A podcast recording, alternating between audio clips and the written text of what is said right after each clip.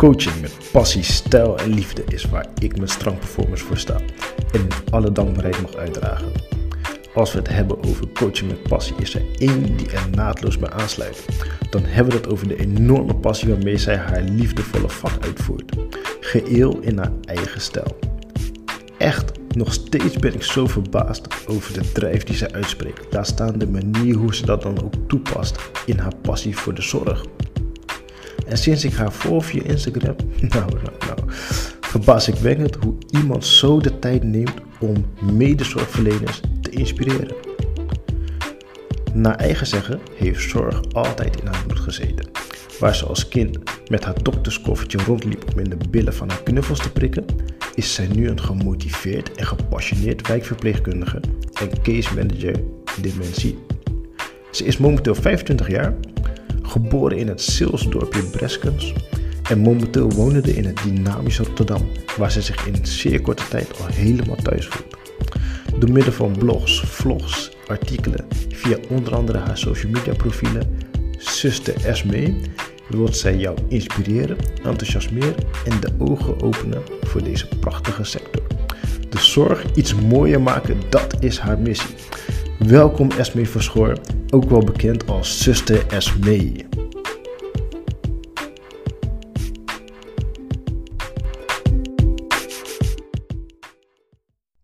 Nu is mijn slaappatroon een beetje opgefokt. Oh, prachtig. Maar ehm, wat daar dan wel heel mooi aan is, is dat eh, Rotterdam je dus al in een hele korte tijd doet laten veranderen. Ja, feit. Feit. Nee, nee. Het komt vooral vroeger. Ja? Op mijn oude werk moest ik altijd om 7 uur starten in de ochtend. Altijd. Was gewoon standaard. Ik liep alle routes mee. En nu Ja? heb ik alleen als ik wil. Ik deel hem altijd met collega's. Of maandag of donderdag Mhm. de route. Dus ik hoef maar één dag vroeg op te staan. En de rest van de dag kan ik half negen, negen uur starten wanneer ik wil. Mhm. Mits ik geen andere zaken heb. Ja. Dus ik heb gewoon... Ik kan gewoon slapen wanneer ik wil. Ik hoef niet vroeg naar bed. Ik kan vroeg slapen wanneer ik moe ben. Ja. En ik kan laat slapen wanneer ik wil. Dus Je hebt het allemaal in eigen hand. vrijheid, blijheid. Precies. ja. En aangezien ik nooit een vroege, vroege opstaander ben geweest... Nee, dat niet? Nee, nooit. Ik haat mijn wekker. Ik haat mijn wekker. Mensen die zeggen, nee, je moet vroeg opstaan... dan heb je meer aan je dag en is goed voor je gezondheid. Fuck jullie allemaal. Ga lekker zelf om vier uur opstaan. Ik slaap uit en ik leef in de nacht. Laat me. Oh, prachtig. Prachtig. Maar wat, ehm, ehm, wat mooi daaraan is, is dat je, eh, zo kom je echt totaal niet over. Je komt gewoon echt als iemand over die, eh, ja, juist wel van het vroege opstaan is. Nee. Damn, nee. Nee. Nee? nee. Nee. Nou, bij deze. Nee. Vroeger had ik echt een zwaar ochtendhumeur. Heftig gewoon. Ik heb ooit, dit mag je niet opnemen, dit mag niet uitgezonden worden. Ik heb ooit, toen ik in mijn studentenhuis zat, woonde ik samen met een meisje en een jongen. Mhm. En eh, Lars heette hij, kwam uit Breda. Hij kwam bij ons eh, in de ambulance stage lopen. Ja. En hij kwam er echt een Brabander, eh, gezellig uit. en ik en Chinook hadden allebei ochtendhumeur. Maar Ja. Chinook lag nog in haar nest, want ze kon, ze kon die dag uitslapen. Maar ik had een vroege dienst. Ik moest vroeg uit mijn nest. En het was bij mij zo erg dat het eerste half uur moest gewoon niemand spreken. Want ik, ik maakte je af gewoon. Ik, ik maakte je echt af. Zo erg was het. En ik was dus op het gemak. Ik had gedoucht, da, da, da, mijn eigen dingetje. Zolang ik mijn eigen dingetje had, ging het prima. Ja. Ja, mijn boterhammetje mee. En toen kwam hij beneden. Goedemorgen! Zonneschijn heb ik geslapen. En ik draaide me om en ik zei tegen hem, je moet je bek houden. Stop. En ik draaide me om en hij bleef op de trap staan. En hij dacht volgens mij echt... Ben ik terechtgekomen? Hij liep echt zo heel zachtjes naar de badkamer. En toen s'avonds kon ik pas sorry zeggen en kon ik uitleggen dat ik ochtendhumeur had. Ik kreeg letterlijk geen woord uit mijn strot gewoon. Zo heftig waren mijn ochtendhumeuren. Wow, prachtig. Ja, nu is het gezetteld. Nu is het rustig. Nu heb ik er geen last meer van. Ja. Hoe heb je dat onder, onder, onder controle Ik heb geen idee. Ik denk omdat ik ouder word. Ik word oma. En nu gaat hij beter. Ah, dat is het. Je wordt Hormonen zijn rustiger. Nee, ik weet het niet. Ik heb er gewoon minder last van. Maar ik denk ook omdat ik nu gewoon... Ik kan uitslapen en ik hoef niet gelijk... Ja, weet je, ik kan gewoon rustig aandoen. Dus geen stress, geen haast. Gewoon chill, ontbijtje, rustig eten, theetje Ja. erbij. En dan tegen de tijd dat ik een uur later op mijn werk ben, is het gewoon rustig. Rustig. Zen, is geen haast. Ja, Dus ik denk vooral dat. Denk ik. dat kan. Ja. Ochtendmens. Yes. No. Wauw. Ja. Zuster Esme, de ochtendmens. Zo. Hij staat erop, hè? Dus, eh, Oh, fijn. Zelfs cliënten wisten dit, hè? echt waar? Ja. Oké. Als ik bij de... Vroeger dan, toen Ja. ik in Zeeland nog werkte... Zij wisten, Esme heeft de ochtendhumeur. Dus ik kwam altijd in de ochtend bij één meneer. Ja. Hij, was, hij was ook ochtendhumeurmens. Dus dan kwam ik daar en we wisten het van elkaar. Dus dan kwam ik binnen en dan zei ik... Hoi. Dan zei hij... Hoi, douchen. Ja. Liepen we allebei echt naar de douche. Dus ik hielp hem met douchen. En dan tegen het eind van het moment, van het zorgmoment, zeiden we... Hé, hey, hoe gaat het? Ja, goed. Ik heb lekker geslapen. Ja. en dat was onze ochtendzorg. En hij vond het prima en ik vond het prima. Ik vond het heerlijk om bij die man te starten, want ik moest niet uitbundigen. Ja, ja, Ik kon precies. gewoon binnenkomen en gewoon... Hoe is het? Ja, dat was het. Ja. Dat was gewoon... Dat was ons momentje altijd. ja, heerlijk. Oh, prachtig. Ja. Dat zou je echt niet denken, weet je dat? Want je komt gewoon super energiek over. Maar Ja. jij bent dus dat dieseltje die gewoon... Ik eh, moet even... je hebt de tijd Geef nodig. me even mijn tijd. Ja. Ja. Geef je jezelf de tijd nu ook in de ochtend? Ja. Ja? Ja, ik ken mijn lichaam nu, dus ik weet wat ik nodig heb. Ja. Ja. Als ik gehaast ga, garandeerd mijn dag gaat stuk. Ja, ik echt heb waar? een rotdag, ja. Hmm. Je moet gewoon even zitten, even lekker douchen. Ja. Gewoon, mijn wekker, ik snoes niet. Mhm. Ik ga gewoon, en dat is heel gek, ik heb om de twee minuten wekker staan. Zeven uur, twee minuten over zeven, vier minuten over zeven. Is mijn autisme, ik kan er niks aan doen. Moet. niet. Dus ik sta bij de eerste wekker, zet ik hem uit. Mhm. En dan denk ik, oké, ik moet opstaan. Bij de tweede wekker denk ik, oké, ga op de rand van je bed zitten. En dan ga ik zitten en dan zit ik even twee minuten voor me uit te staren. En dan gaan we een derde wekker denk ik, oké, sta op. En dan sta ik op, ga ik lekker douchen, waterkokertje aan, ontbijtje, een beetje opmaken, tandjes poetsen, aankleden. Kijk ik dus even op mijn nieuwsfeed en dan, oh, dan kan ik er tegenaan. Geen haast, geen stress, prima. Ja. Niks aan de hand. Ja. Ja, maar zodra dat wordt doorbroken, mijn dag is stuk, gaat fout. Wauw. Dus Ja. Dus ik hecht echt aan die, dat ochtendmomentje, gewoon het uurtje voor mezelf Ja. opstarten. heb ik echt nodig. Altijd in die routine, zeg maar. Ja, gewoon rustig opstarten, niks Ja. aan de hand. Heb je daarin vaste patronen voor jezelf? Eh, ja, ik, de, vroeger douchte ik nooit in de ochtend. Mhm. Sinds ik douche in de ochtend is het echt gewoon, Mhm. word ik wakker. Weet je, lekkere warme straal op je. Even gewoon bij zinnen komen, wakker Mhm. worden. En dan tandjes poetsen, make-upje. Even naar jezelf kijken hoe je eruit ziet. Uiteraard. ben, ik, ben ik toonbaar? ja, ontbijtje, lekker theetje. Ja, rustig. Lekker En dat, relax. ja, ja. Ja. Het is echt belangrijk. Maar heb je dan niet juist, ehm, want ik herken het, eh, ik heb dat ook, ik moet echt ehm, mijn tijd nemen om, ehm, ik, ik ben ook ochtendmens ook, eh, maar Wel ochtendmens. juist echt een ochtendmens. Ja. Maar als ik mijn dag start, moet ik wel echt mijn tijd nemen. Eh, op het Ja. moment dat het gehaast gaat, dan loopt de rest van de dag ook gewoon, nee, niet echt in de soep, maar alsof je nog steeds zeg maar in die in rushmodus bent. Ja, je loopt achter de feiten aan. Precies, maar heb jij dan voor jou dan ook zoiets van, hé, hey, ehm, ik moet dan toch wel extra tijd nemen, ondanks dat je geen ochtendmens bent, maar dat je toch wel iets eerder moet opstaan om juist in die rustige routine te komen? Ja, zeker. Ja, ik sta altijd een uur voor ik de deur uit moet op. Oké, Ja, altijd. Hmm. Als ik... Ik kan het hoor. Ik kan het om bijvoorbeeld een kwartier van tevoren opstaan en snel, snel, snel. Maar Mhm. ik heb er niks aan, want ik weet dat het... Het doet mezelf geen goed. ja, Dus waarom zou ik... Waarom zou ik een kwartier van tevoren opstaan en dan gehaast de deur uitgaan en weten dat mijn hele dag is verpest? Mhm. Waarom zou ik het doen? Ik heb, ik heb er niks aan. ja, Ja. ja, nee, herkenbaar.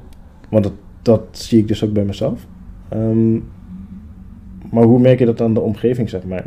Eh, degene die dat wel, wel doen. Dus dat bedoel ik niet degene die echt reageren op jou, maar degene die dat wel doen. Hoe, eh, hoe, hoe herken je dat bij hen? Eh, dat ze snel opstaan gehaast. en bijvoorbeeld. Ja, ik denk iedereen heeft zijn eigen routine. Zoals ik bijvoorbeeld een uur van tevoren moet opstaan en dat werkt voor mij, kan het makkelijk zijn dat iemand gewoon 10 minuten vooraf opstaat, snel tanden poetst en ontbijtje onderweg in de auto eet en denkt, ja, ga prima, Prima. niks aan de hand.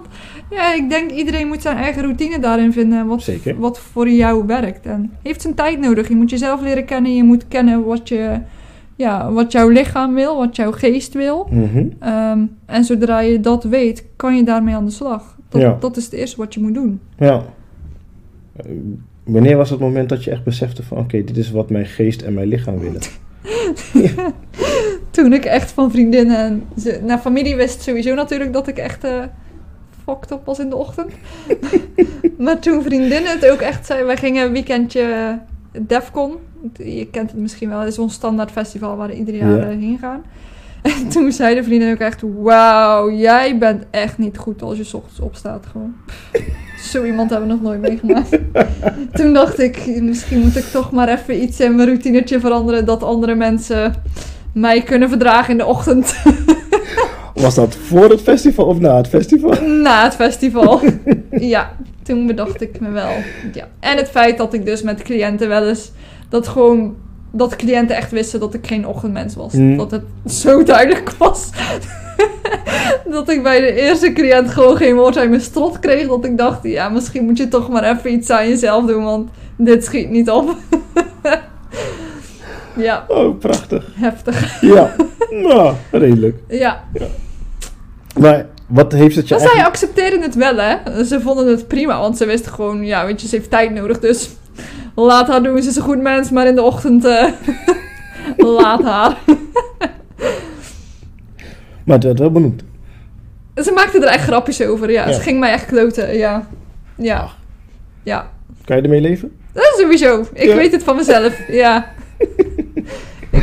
Ja, ik maak er zelf ook grappen over. Oh, oké. Nee, dan is het goed. Dan is Ja. het goed. Maar wat heb je er voor je... Wat heb je er voor jezelf uitgehaald? Wat heeft het je gebracht? dat zeg je maar? naar je lichaam moet luisteren. Ja, Als je niet naar je lichaam luistert, ga je nooit uit een bepaald patroon komen. ja, En ga je ook jezelf niet iets goeds kunnen, kunnen geven. ja. Als, als ik nu nog steeds 10 minuten vooraf zou opstaan, zou ik nog steeds dagen hebben die, die verpest zijn, om het maar zo te zeggen. Zou ik nog altijd geen goede opstart van mijn dag hebben. Zou Nee. ik nog altijd bij de eerste paar cliënten kapot schrijnig daar zitten. Terwijl het is niet nodig. Het is niet nodig. Als je je lichaam kent, als je weet wat je lichaam nodig heeft. Is hetzelfde als met voedingsstoffen. Als je weet waar jouw lichaam goed op draait, Mhm. kan je er iets mee doen. Als je het niet weet, als je het niet ontdekt, als je het Mhm. niet nagaat wat jouw lichaam nodig heeft, ga je het niet kunnen verbeteren. Dus ga je geen stap kunnen zetten om, ja, ehm, om te geven wat jouw lichaam nodig heeft. Ja. En zag je dat, zeg maar, ehm, in prestaties, zeg maar? Eh, prestaties bedoel ik dus de, ja, zeker. je werkzaamheden op werk. Eh, zag je dat dan ook terug, het verschil? Ja. Want wat Ja. was het voorheen, zeg maar, voordat je echt daarvan bewust was? Nee, Hoe het, was, dan? het was vooral op werk had ik er niet heel veel last van, maar buiten werk. Dus Hm. Ehm, eh, als ik even de vergelijking neem, als ik mijn situatie van vroeger vergelijk, dus eh, eh, snel, snel gehaast opstaan, Mhm. was ik in de avond echt moe. Ik was uitgeblust, gewoon uitgebrand, kon niet meer. Ja. Dus ik was totaal niet meer productief. Ik kwam thuis van werken en het was gewoon, Esme is dood, kan niet meer. En nu, omdat ik mijn tijd in de ochtend neem Mhm. en ik ga dus al rustig naar werk toe, het kost me veel minder energie om, om op te starten, omdat ik het rustig kan doen Mhm. Vergt mijn werk veel minder van mij. Omdat ik, ik heb gelijk overzicht. Ik weet gelijk wat mijn taken zijn. Ik kan alles netjes bijhouden. Ik kan gelijk goed reageren op bepaalde situaties. Ehm, zorgt ervoor dat ik in de avond veel meer energie heb. Dus eh, bijvoorbeeld aan zuster Esme dingen kan doen. Hmm. Kan afspreken met vriendinnen. Leuke dingen kan doen. Ik heb er de rust en de tijd voor. En als ik dat vergelijk met voorheen, was dat niet zo. Nee, Dan was het gewoon uitgeblust, Esme is klaar. Eh, ik lag op de bank, was einde. klaar. Ja, en nu is dat niet. Dus ik merk daar zeker verschil in. Ja. Ja. En hoe zat dat dan ehm, met je focus op werk? Eh, los van dat je aan het einde van de dag echt uitgeblust was. Mm. Merkte je dan ook tijdens het werk dat je je daardoor minder kon focussen? Of zat dat in principe wel gewoon goed? Maar Nou ja, is je werk. Dus ik, ik moest me... Ja, je moet jezelf sowieso... Jezelf daarin... eh, ehm, eh, pushen om gewoon wel gelijk aan het werk te gaan. Mhm. Eh, maar als ik het vergelijk, denk ik wel dat ik nu adequater en rustiger op dingen kan reageren. Ehm, als er bijvoorbeeld bij de tweede cliënt voorheen een voorval was, of iemand zou iets verkeerds tegen me zeggen, ik gelijk. Bam, ik zou er gelijk bovenop zitten. Ja. En nu denk ik gewoon, oh ja, zal wel. Hmm. Ik ben rustiger. Ik ben niet gelijk zo fel. Nee. Wat ik voorheen wel had, zeg maar. Maar fel, fel gewoon bij woorden echt fel tegen Nee, ja, je moet professioneel blijven, maar binnenin in dat hoofd was het gelijk fel gewoon. Ja. Ja, wat ik zeg, mijn ochtendhumeur. Gewoon bam, gelijk ergens bovenop zitten. Terwijl nu denk ik, nu heb je rust omdat je, omdat ik, ik moet natuurlijk voor mezelf spreken, maar omdat ik rustig wakker word en omdat ik alle tijd voor mezelf neem, Ja. ben ik al wakker genoeg om adequaat te kunnen reageren op bepaalde situaties. Hmm. Ja. Ja, Ja. Zag je dat dan ook echt als een soort verliesmoment, om het zo te zien? Dus de periode dat je eigenlijk zag van hé, hey, eh, dit en dit bracht het me eigenlijk niet. En Hmm. ehm, ja, hierdoor werd je dus, je reageerde wel, of aan het einde van de dag Hmm. was je gewoon echt helemaal op. nee, is geen verliesmoment, want als ik dat niet had ervaren, had ik nu het verschil niet geweten. Ja.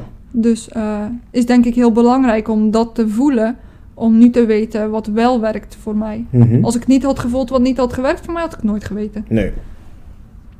Maar is dat totaalplaatje dan niet echt iets als ehm, hoe ik het, ehm, de vertaalslag maak bijvoorbeeld naar mijn tak van sport met voetbal? Ehm, juist doordat je verliest, ehm, ga je relativeren. Ja. En waar lag het nou daadwerkelijk aan? En dat maakt je dus als persoon dus ook weer sterker. Ja, zeker. Ja, Ja, sowieso. beetje vergelijkbaar. Ja, Ja. zeker wel. Maar hoe ga je er voor jezelf nu mee om? Want je bent echt hartstikke goed bezig met zuster Esme. Dank je. Ehm, nou, wat ik eigenlijk al eh daarvoor zei en ook eh, toen ik je van de week sprak. ehm, ja, alleen maar lovende dingen over je. Dank je. Vanuit, eh, nou dank mij niet, maar degene die jou echt eh, eh, nadrukkelijk volgen als zijnde ook medezorgverleners. Dank je wel allemaal. Ja, inderdaad. Ehm, hoe ga je daar nu mee om, zeg maar? In de zin van?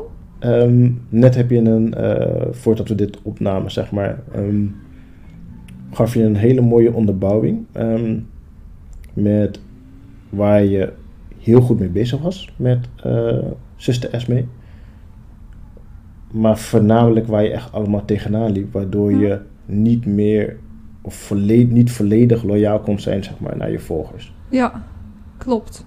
Ehm, is dat een beetje een vergelijkbare situatie als wat je daar meemaakte met je ochtendhumeur? Ja, zeker. Ehm, ik denk ook dat het heel belangrijk is dat je ehm, voelt wanneer iets fout gaat of Mhm. wanneer iets niet lekker loopt. Mhm. Om ook te kunnen voelen wanneer iets goed gaat, Ja, beter gaat. Eh, want als jij niet voelt wat slecht is, ga je ook niet kunnen voelen wat goed is. Je moet, je moet dat contrast hebben om te kunnen vergelijken met elkaar. Ehm, en om dan even terug te pakken op Zuster mee. Ik heb, een, ik heb afgelopen maanden het super druk gehad met ja, van alles en nog wat. Corona was gaan. ik moest superveel interviews eh, waren gaan. eh, Mhm. Van alles was, was er in mijn leven gaande. ja. En ehm, dat maakte dat ik zelf een beetje chaotisch werd. Mhm. En dat was terug te zien in Zuster mee. Als ik daar nu naar terugkijk, denk ik, shit, ja, was toch niet zo... Was, was niet zo heel fijn. Niet voor mezelf, niet voor mijn volgers, want niemand wist waar hij aan toe was. Ik wist zelf ook niet waar ik aan toe was. Want ik kon dingen die ik wilde laten zien, kon ik niet waarmaken, omdat het zo'n chaos was. Ja, Ehm, en ik zat vorige week met iemand samen die ik al heel lang niet had gezien.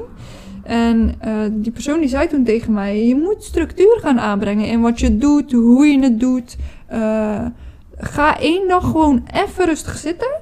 ja. En kijk gewoon eens in vogelvlucht naar wat doe je nou? Mhm. Wat is nou de basis geweest dat je dit bent, gaan, bent gestart? ja. En ga vanuit daar weer werken naar wat je wil laten zien en Ja. wat je wil, laten, wil overbrengen.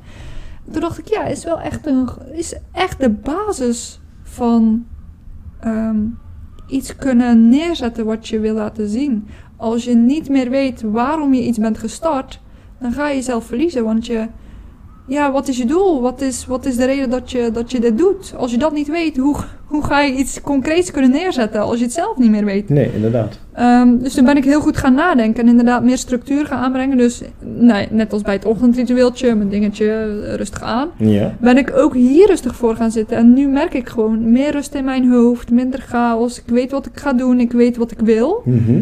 En dat kan je dan ook overbrengen. Dus gaat het weer naar de positieve kant op. Ja, dat is mooi. Dat is heel mooi. Maar waar ik dan heel erg benieuwd naar ben, is wat ehm, is voor jou echt de reden geweest? Wat is echt jouw main purpose geweest om Zuster Esmee te starten? Mijn allereerste doel, waarmee ik eigenlijk Zuster mee heb neergezet, Ja. was toen ik in mijn laatste jaar van de opleiding zat, in Mhm. mijn vierde jaar. En ik liep toen stage op orthopedie. Dus mensen die eh, nieuwe heupen kregen, nieuwe knieën, schouderklachten, een beetje het bottenstelsel waar iets gaande was, zeg maar. Ja. En we hadden toen een dame van, ik meen eind de 80, begin de 90 op de afdeling liggen. Mhm.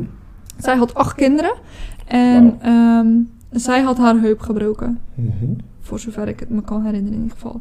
Zij had een gipsbroek aan en dat wil zeggen gips als zijnde een broek. Gewoon precies de naam gipsbroek was ook echt het geval. Dus zij lag in bed en zij had... Ja, zij lag gewoon vast, want die broeken begonnen bij haar middel en die ging tot op haar knieën door. Dus zij lag vast, want gips beweegt niet. Nee. Ehm, en die kinderen kwamen daar iedere dag. Die mevrouw die belde dan wanneer ze naar het toilet moest of wanneer ze ontlasting moest hebben. En dat hoort bij onze taak. Als, ja, als verpleegkundige zorg je voor het hele lichaam. Dus als iemand ontlasting moet krijgen, Mhm. help je daarbij. Ja. Dus ze belde, ik, heb moet, ik moet eh, ja, naar het toilet, kan je helpen? Ja, natuurlijk geen probleem. Dus wij met twee verpleegkundigen daarheen om te helpen. Mhm. En ik kwam terug op de gang, ik ging rapporteren. Ja. En twee zoons stonden op de gang en zij gingen mij echt kleineren. En waarom heb je dit beroep gekozen? is alleen maar pies en poep ruimen. En, ah, echt degenererend. En ik was echt heel kwaad van binnen, want ik dacht, begrijp je wel wat ons beroep is? Zie hoe, we, hoe hard wij hier rennen voor jouw moeder. Wij doen alles voor jouw moeder. Wij zorgen dat ze straks gewoon gezond terug naar huis komt. We doen werkelijk alles om goede zorg neer te zetten. En je gaat mij vertellen dat ik alleen maar pis en poep ruim? Schaam je. Gewoon schaam je tot de diepste cel in, jou, in jouw lichaam. Ik was In- echt kwaad. Inderdaad. En dat, toen die dag bedacht ik me, weet Nederland, althans weet de wereld eigenlijk wel wat wij als verpleegkundigen doen als werk. Dat is de eerste reden geweest dat ik Zuster mee ben gaan starten om te laten zien wat nou de kern van ons beroep is. Dat we niet alleen maar piezen en poep ruimen en niet alleen maar steunkousen aantrekken. Dat het zo'n scala aan dingen is die wij doen. Dat is in eerste instantie de main goal geweest, main purpose van Zuster Esmee. Daarna is het geëvalueerd naar ehm, een beetje diepere zin. Nog steeds laten zien wat we doen, maar met uitleg erachter. Dus ehm, kennis vergroten. Niet alleen maar wat we doen, maar ook waarom doe je het. En Ja. Ehm, eh, niet alleen maar voor de mensen die de zorg niet kennen, maar ook voor de mensen die de zorg kennen. Dus waar ik eerst alleen maar situaties liet zien, eh, bijvoorbeeld deze situatie, dat Mhm. er veel meer gaande is binnen zo'n zo'n casus. Maar dan ook welke handeling doe je voor de verpleegkundige of voor de verzorgende of ander zorgpersoneel. Welke handeling voer je uit, maar waarom doe je het dan ook? En Ja. hoe doe je het dan goed? Wat is evidence dat je het goed doet? Mhm. Dus veel meer die diepgang ingaan. En toen begon ik ook meer leerlingen te krijgen die mij gingen volgen. Andere takken in de zorg die mij gingen volgen, omdat ik veel meer gericht op de wijk ging, ging zitten. Mhm. Dus de main goal was daar nog steeds, maar Ja. uitgebreider. Ehm, en dat is eigenlijk wa- waartoe het nu heeft geleid. Als zuster mee hoe het nu staat. Wauw. Ehm, dat is een, een hele overdosis aan inspiratie die je daarin meegeeft. Ja. Ja, is wel de, de, het is wel waarmee het is gestart. ja. Heb je dan ook, ehm, want Zuster Esme is dan dus ook echt jouw ideaalbeeld, om het maar zo te zeggen. Mm, zuster mee laat zien wat, wat we doen. Laat Ja. een realistisch beeld zien van wat er gaande is. Ja. Dus zowel positieve als negatieve, mooie kanten, moeilijke kant, alles. Ja. Ja. En als je dat zeg maar zo ziet en zo uitspreekt, ehm, heb je dan ook voor jezelf zoiets van, ehm, zoals zuster met Esme is, wie jij dus ook daadwerkelijk bent, Mhm. Zo wil je dus ook later altijd herinnerd worden, Ja, resoluut. ja, zeker. Ehm, en dat is ook wat ik... Weet je, zuster Esmee is zuster Esmee. Eh, ik ben de persoon die dat heeft opgezet natuurlijk. En Mhm. Ehm, eh, ik probeer wel altijd ook te melden, achter zuster Esmee zit ik als persoon. De zuster Esmee laat een bepaalde kant zien, maar ik heb ook nog andere kanten van mezelf als persoon, die ik specifiek niet bij zuster Esmee laat zien. Wat ik wel bij zuster Esmee doe, is een bepaalde ideologie en een bepaalde... ehm, eh, ja, hoe moet ik het zeggen? Ik probeer mensen ook samen te brengen eh, via verbinden. zuster Esmee. Verbinden. Ja. En te laten zien dat er zoveel meer in de wereld is. Dus dat één kant, eh, als je één kant van het verhaal belicht, wil niet zeggen dat dat ook de waarheid is. Dat Nee. er nog veel meer kanten zijn. Ja, En dat probeer ik ook wel via Zuster Esmee mee te brengen. Om, ehm, om mensen er ook van bewust te laten worden dat, dat dingen zoals ze soms worden benoemd, niet altijd zijn zoals ze worden benoemd. Mhm. Ehm, ik probeer gelijkheid eh, echt door te zetten in Zuster Esmee. dat is mooi. Ehm, dus, en dat is de laatste tijd, de laatste jaar is dat vooral gaande, dat ik, dat ik daar ook veel meer aandacht voor krijg. Of voor eh, vraag. Mhm. Ehm, dus ja, de main goal is daar, maar wel met bepaalde belangrijke aspecten die ik als persoon heel erg belangrijk vind. Ja. Ja. En welke as- aspecten zijn dat dan exact? Ehm, ja, bepaalde. eh, ja, hoe moet je het uitleggen? Ik sta echt voor gelijkheid. Dus zeg, eh, ja. Ik word heel kwaad als we het over ongelijkheid hebben. Maar waar? echt, oh, In welke ga aan de zin? kant. Gelijkheid in welke, gelijkheid in welke zin? Ja, als mensheid. Gewoon elkaar goed behandelen. En dat zie je natuurlijk ook in de zorg terug. eh, in behandelingen van bepaalde bevolkingsgroepen. eh, wat gewoon niet correct, niet oké is in geen enkele zin. Ehm, maar ook gewoon in de maatschappij als algemeen zijnde. Mhm. ehm, kan ik er heel slecht tegen dat, dat ehm, mensen, dat niet ieder mens op dezelfde wijze wordt behandeld. Ehm, en dat probeer ik ook echt door te zetten in Zuster mee. Ja. Ehm, dat je mensen ook iets daarover bijbrengt. Dat je in ieder geval je steentje daaraan bijdraagt. Ja. Ja. Mooi. Zie je daarin, ehm, of heb je daarin ook echt feedback gehad? Ja, ja, ja, Ja? ja. ook echt mensen die mij zijn gaan ontvolgen. Echt waar? Maar I don't give a shit. Snap ik. Nee, het, het kan me niet... Kan me niet als persoon iets doen. Nee. Nee, nee. En ehm, ja, je kent het vandaag de dag natuurlijk wel dat mensen achter de scherm heel makkelijk kunnen reageren op Ja. bepaalde dingen. Ja. Dat heb jij dus in die zin dus ook wel oh ja, meegemaakt. zeker. Ja. Zeker, zeker, zeker. Deed het ook wat met jou? Vroeger wel. Toen ik Zuster mee net opstartte, zeker wel. Ik was Mhm. heel, heel eh, vatbaar voor negatieve dingen. Ja. Want Je wilde, ik wilde toen echt iets goeds neerzetten. En Ja. iedereen moest er positief over zijn in mijn gedachten. En oh, als er één negatieve comment kwam, dan was het oh, drama in mijn hoofd. en sliep ik er een nacht niet van. En zat ik huilend op de bank. En Echt waar? echt tot die extensie. Ik was daar echt van over mijn toeren. Ja.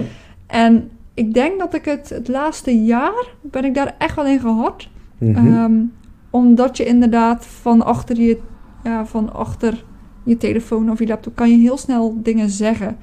Maar ook dingen die eh, leeg zijn. Dus je kan heel snel zeggen, oh ja, het eh, bullshit argument. En eh, ja, het, wat denk je wel niet? Ja, weet je, dat mag je mij zeggen. ja. Maar dan wil ik ook een argument tegen. Wat Ja. maakt dan dat je dat zegt?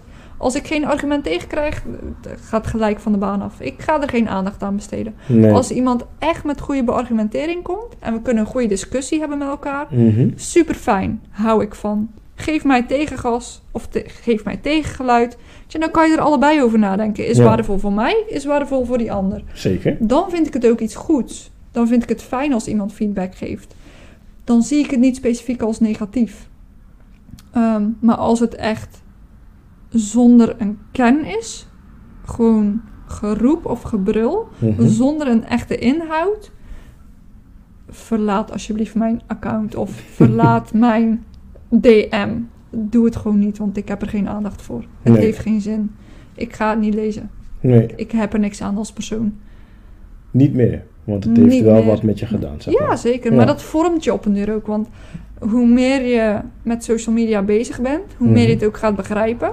Mhm. Ehm, en hoe meer je ook begrijpt dat mensen roepen. Het is makkelijk om te roepen. Mhm. Maar het heeft geen zin om te roepen, want alsnog zit er geen inhoud in. Dus Ja. dat, heb ik, dat heb ik echt geleerd. Negatieve dingen zijn goed Mhm. als er inhoud in zit. ja, Als er geen inhoud in zit, alsjeblieft, besteed er geen aandacht aan. Want het is zonde van jezelf, het is zonde van je tijd, zonde van je mentale toestand. zeker. Je hebt er niks aan. Nee. Je gaat er niet van groeien. Nee. Nee. Ehm, een van mijn favoriete quotes van eh, Jim Rohn, een oud ehm wijlen ehm, motivational speaker uit Mm. Amerika, is stand guard at the door of your mind. Geeft dus echt aan van hey, weet met wat je binnenlaat. Hm. En hetgene wat je binnenlaat, dat, dat moet altijd zorgen voor een bepaalde groei of een bepaalde verandering in Ja. positieve zin.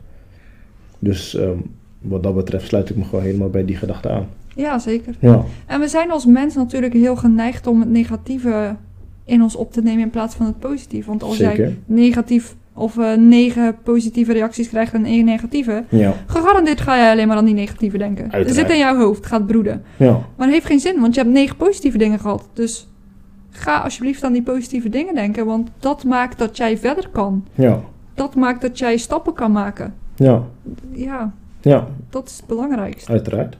Ja, En het wil niet zeggen dat je er niet over in mag zitten, want we zijn mens. Ik bedoel, we zitten allemaal wel eens met iets, maar het moet je niet beïnvloeden. Het moet niet zo zijn dat dat negatieve dingetje jouw dag verpest of jouw moed verpest of dat het jou ehm, eh, laat stilstaan. Het kan niet zo zijn. nee. Mag niet. Nee. Daarbij geef je dus eigenlijk aan dat je, om het maar echt zo letterlijk te vertalen, constant in beweging moet zijn. En om in beweging te moeten zijn, dus beweging, ehm, verandering, Hm. constante verandering, heb je een positieve groeimindset nodig. Ja, zeker. Ja. Ja. Ja, vind ik heel mooi. Als je dat nu ehm, de koppeling maakt, zeg maar, naar ehm, waar je nu dus staat met Sister Esme. Je bent dus weer in een, in een herontwikkelingsfase. Ja. Waarin je eh, daarvoor duidelijk wist waar je heen wilde. Ehm, nou, je wordt overmand door een bepaalde situatie. Ehm, eigenlijk heel de wereld natuurlijk de afgelopen periode, helaas. Ja, feitelijk. Inderdaad.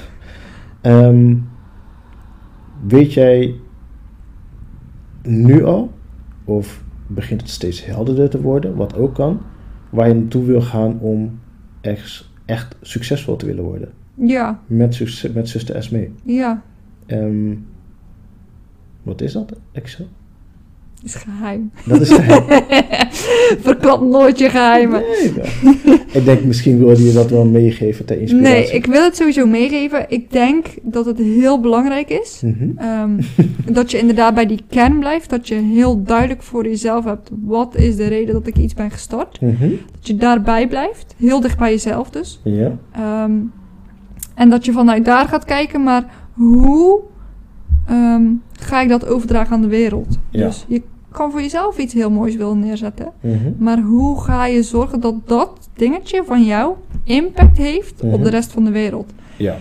En dat moet iedereen voor zichzelf, denk ik, uitzien te vinden. Want ieder project of ieder ding, ding wat iemand wil doen, Mhm. is iets van zichzelf en heeft een eigen touch nodig, om het maar zo te Ja. zeggen. Ja. Ehm, dus de weg daar naartoe is, denk ik, voor iedereen verschillend de stappen die je zet. Ja. Maar ehm, wat voor mij heel belangrijk is, is dat je inderdaad dicht bij jezelf blijft. En vanuit daar gaat kijken welke stappen heb ik nodig om te zetten Mhm. om impact te hebben op de wereld. En voor mij is dat ehm, structuur. Ja. Ik moet structuur hebben, anders word ik zelf chaos, wordt mijn zuster Esmee chaos, wordt alles in mijn leven chaos. Heeft niemand iets aan. Nee. Dus voor mij is structuur heel belangrijk. En daar ga ik nu terug op pakken. Ja. Dus ik ga voor mezelf een, een weekplanning maken met wat ik iedere week wil doen. Mhm. En zorgen dat ik een batch aan eh, dingen heb eh, die je kan, kan posten. Ja. Heel veel ideeën ehm, gelijk opschrijven, dat ik, dat ik gelijk op papier heb. Dat Ja. niet, al komt het om drie uur s'nachts in mijn hoofd, dan moet ik gewoon mijn telefoon pakken en het erin zetten. Ja. Want s ochtends ben ik het kwijt. Ja. Dus dat ik gelijk mijn dingen noteer. Mhm. Dat is voor mij heel belangrijk. Omdat creativiteit plopt op. Je kan niet creativiteit... Je kan niet zeggen, ik zet nu mijn creativiteitsknopje om en het komt. Het, is iets wat opplopt. Ja. Al is het om drie uur s'nachts, al is het om tien uur s ochtends wanneer je iemand aan het verzorgen bent. Het plopt Het opeens op. ineens. En dan moet je er ook iets mee. Dus ik schrijf het op, zodat ik het eh, zwart op wit heb. En dan kan ik er later op een rustig moment kan ik het verder uitwerken. Mm. En dat wist ik al van mezelf, maar heb ik niet gedaan. Dus daarom kwam ik in chaos terecht. Mhm. En dat is wat ik nu herpak. Dus planning, structuur, zorgen dat ik al mijn ideeën gelijk opschrijf. Ja. En vanuit daar kan ik verder. Kan ik ideeën uitwerken, kan ik content maken, kan ik zorgen dat ik dus dat idee van Zuster Esmee aan de wereld doorgeef. Mhm. Dat is wat voor mij werkt. Ja. Dat is wat ik nu aan het herpakken ben. Dat is wel mooi. Want nu zijn er ehm, misschien wel mensen die ehm, exact hetzelfde misschien hebben. Mhm. Eh, goed, structuur werkt heel erg. Ja, Ehm, dan ben je ermee bezig. En dan kan je wel eens overmand worden door bepaalde situaties. ja. Ehm, hoe zorg je er voor jezelf voor, of wil je er voor jezelf voor gaan zorgen, dat je toch ehm, blijvend geïnspireerd wordt en Mhm. dat je constant bezig blijft met die planning? Dus dat je daar echt niet van afwijkt. Social media uitzetten. Echt waar? Echt waar. Echt waar. Social media is nu iets wat natuurlijk heel booming is, maar Mhm. het kost. Het kan heel veel van je tijd kosten. Nutloze tijd Ja. van je leven eh, wegpakken. Ehm, dus ik zet gewoon social media uit. Ik Mhm. zorg dat alles wat mijn aandacht kan. eh, ehm, hoe moet ik het uitleggen? Wat je Ehm, kan prikkelen, zeg maar. Ja, Ja. alles wat mij kan prikkelen, schakel ik uit. Ja. TV uit, muziek uit, social media uit. Mhm. Alles gaat uit. Dat het gewoon ik en mijn papiertje is, zeg maar. Ja. En dan vind ik rust en kom ik tot eh, wat ik wil. Ja. Dus ik zorg gewoon voor kalmte, rust. Er moet niks om mij heen, alles uit. Zen. En is dat dan in die zin dat je dat dus ook voor jezelf echt inplant? Dus als je gericht met zuster Esmee bezig wil zijn, dat je dat ook in alle rust voor jezelf inplant? Als ik merk dat die chaos in mijn hoofd begint. Dus ik kan heel gestructureerd werken, Mhm. maar op een duur komt er chaos in mijn hoofd. Ja. En dan weet ik, dan gaat er een, een lichtje bij mij branden. Oké, nu begint chaos te komen, nu moet je even zennen. Ja. Alles uit, rust, terug herpakken. ja. En dan heb ik inderdaad dat kalmte moment nodig om weer eh, ja, verder te kunnen. En zodra ik dat kalmte moment heb, kan ik weer even voort. Ja. Dan kan ik die prikkels daarna weer aan en dan maakt het verder niet uit. Ja. Maar zodra ik die prikkel krijg dat chaos wordt, Mhm. dan moet ik mijn zen-moment terugpakken. Oké, dat is wel een hele mooie. Ehm, En dat is dus wat ik afgelopen tijd niet heb gedaan. En daarom werd ik chaos, werd het zuster Esmee chaos, werd alles chaos. Omdat ik wist dat de prikkel er was, maar ik deed er niks mee. maar dat is een, een heel mooi moment van reflectie, omdat je weet Ja. waardoor het komt, waardoor het is gekomen, zeg maar. Ja, De chaos. Het is eh, onvermijdelijk, zeker niet in, Ja. in, de vak waar jij eh, je in bevindt. Ehm, en het is niet erg. Je moet op je bek gaan, om het maar zo te zeggen. ja, Want nu ben ik me meer dan ooit bewust dat dat gaande was. Dat dat hetgeen was wat ervoor zorgde dat ik niet meer gestructureerd kon werken. Mm. En dat mijn zuster mee chaos was. Dat Ja. ik chaos was. Dus het is goed dat het gebeurde. Mhm. weer zo'n verliesmoment, om het maar zo te zeggen. Ja, weer een verliesmoment. Ja. Wat uiteindelijk tot groei leidt. Ja, Ja. heel mooi. Ehm, nu eh, op, jouw, eh, op jouw website ehm, staat een heel mooi stukje. Die, eh, wat ik eigenlijk al zei, die moet ik gewoon echt herhalen. En die, die, hoor je Ik dus ook, weet welke.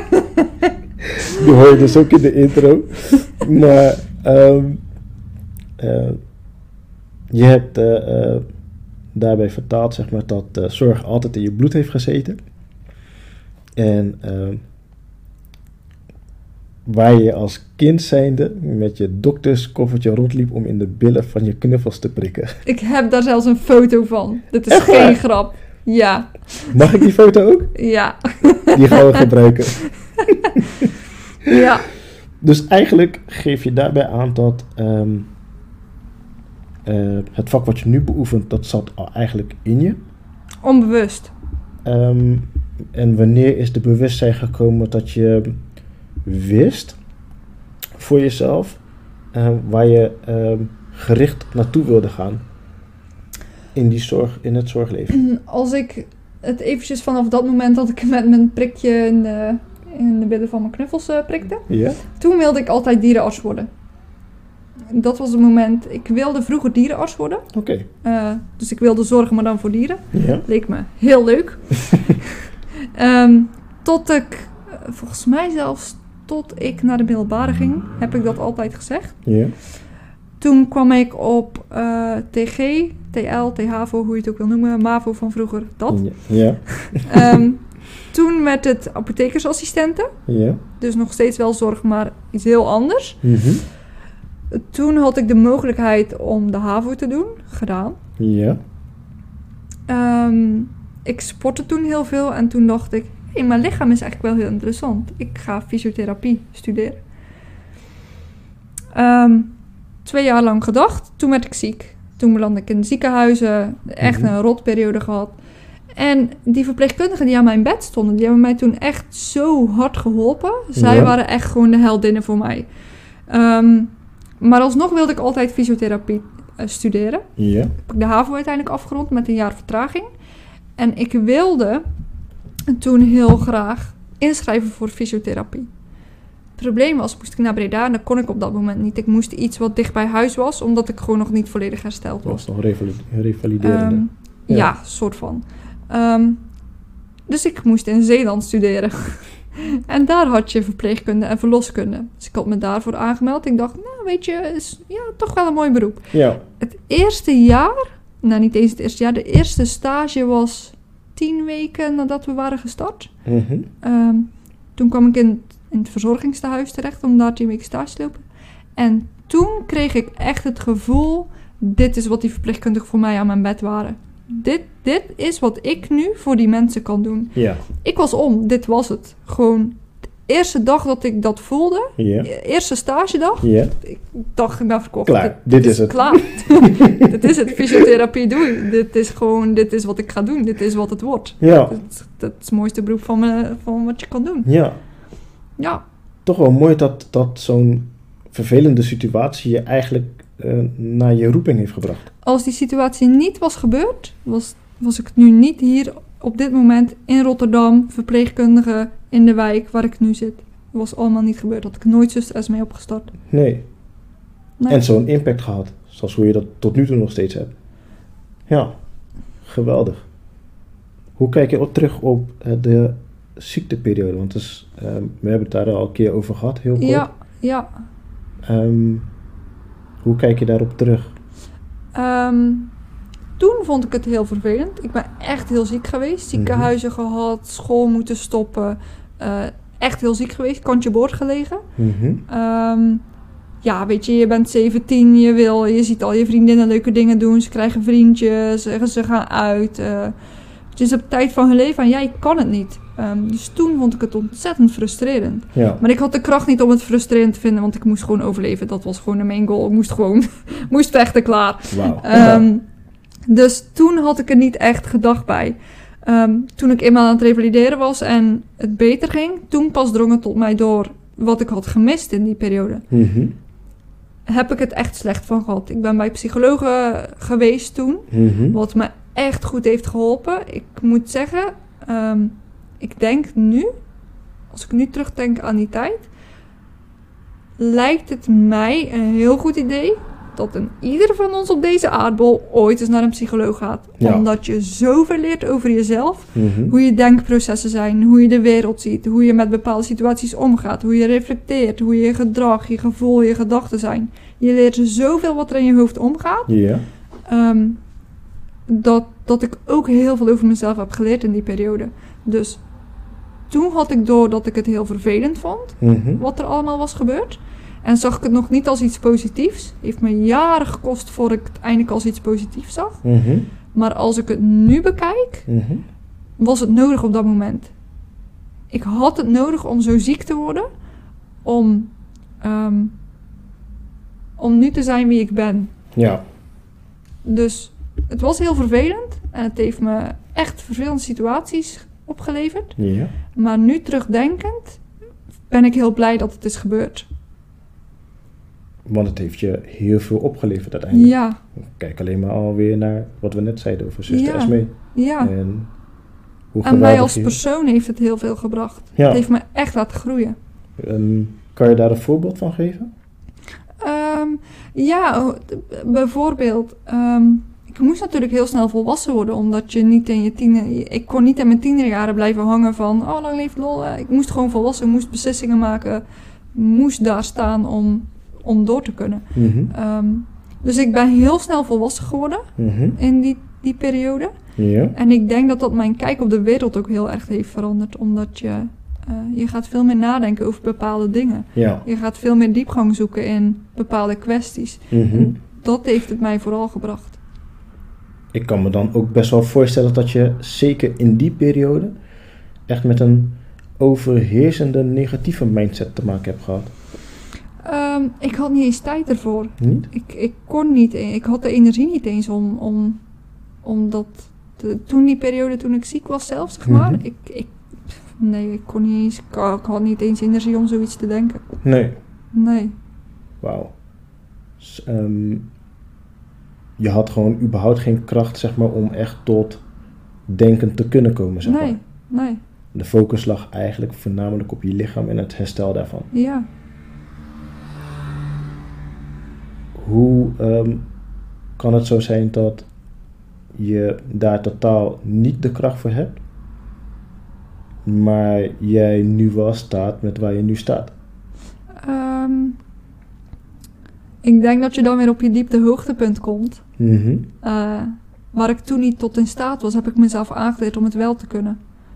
Omdat het me toen, eh, ja, wat ik zeg, toen moest ik alleen maar vechten om door te kunnen, om te overleven. Ja, klinkt ook weer zo heftig, maar uiteindelijk kwam het daar wel op neer. Ja. ja, dat was gewoon wat er toen gaande was. Ja. Ehm, dus je hebt aandacht voor één ding en dat was overleven, beter worden en doorgaan. Ehm, en nu heb je de overview over alles. Dus kan je reflecteren, kan je situaties beredeneren. Ja. Ehm, dus kan je ook daarop terugdenken en kijken wat het je heeft gebracht. Wat het, eh, en wat het je niet heeft gebracht toen op dat moment toen je het niet kon. Mhm. Ja, Wauw. Ehm, moest allemaal wel heftig zijn geweest in die periode. ja. Ja. Nou, niet eens voor mij, want ik kon er natuurlijk niet fatsoenlijk over nadenken. Maar ik Mhm. denk vooral voor degenen die, die heel dicht bij mij stonden. Ja. Wat is het ehm, wat je in, ehm, als je er gewoon überhaupt over terugdenkt, over de gehele periode, welke kracht heb je daaruit kunnen halen met wat je nu bijvoorbeeld nog dagelijks toepast? Sowieso vechtlust. Ja, Je moet. ja.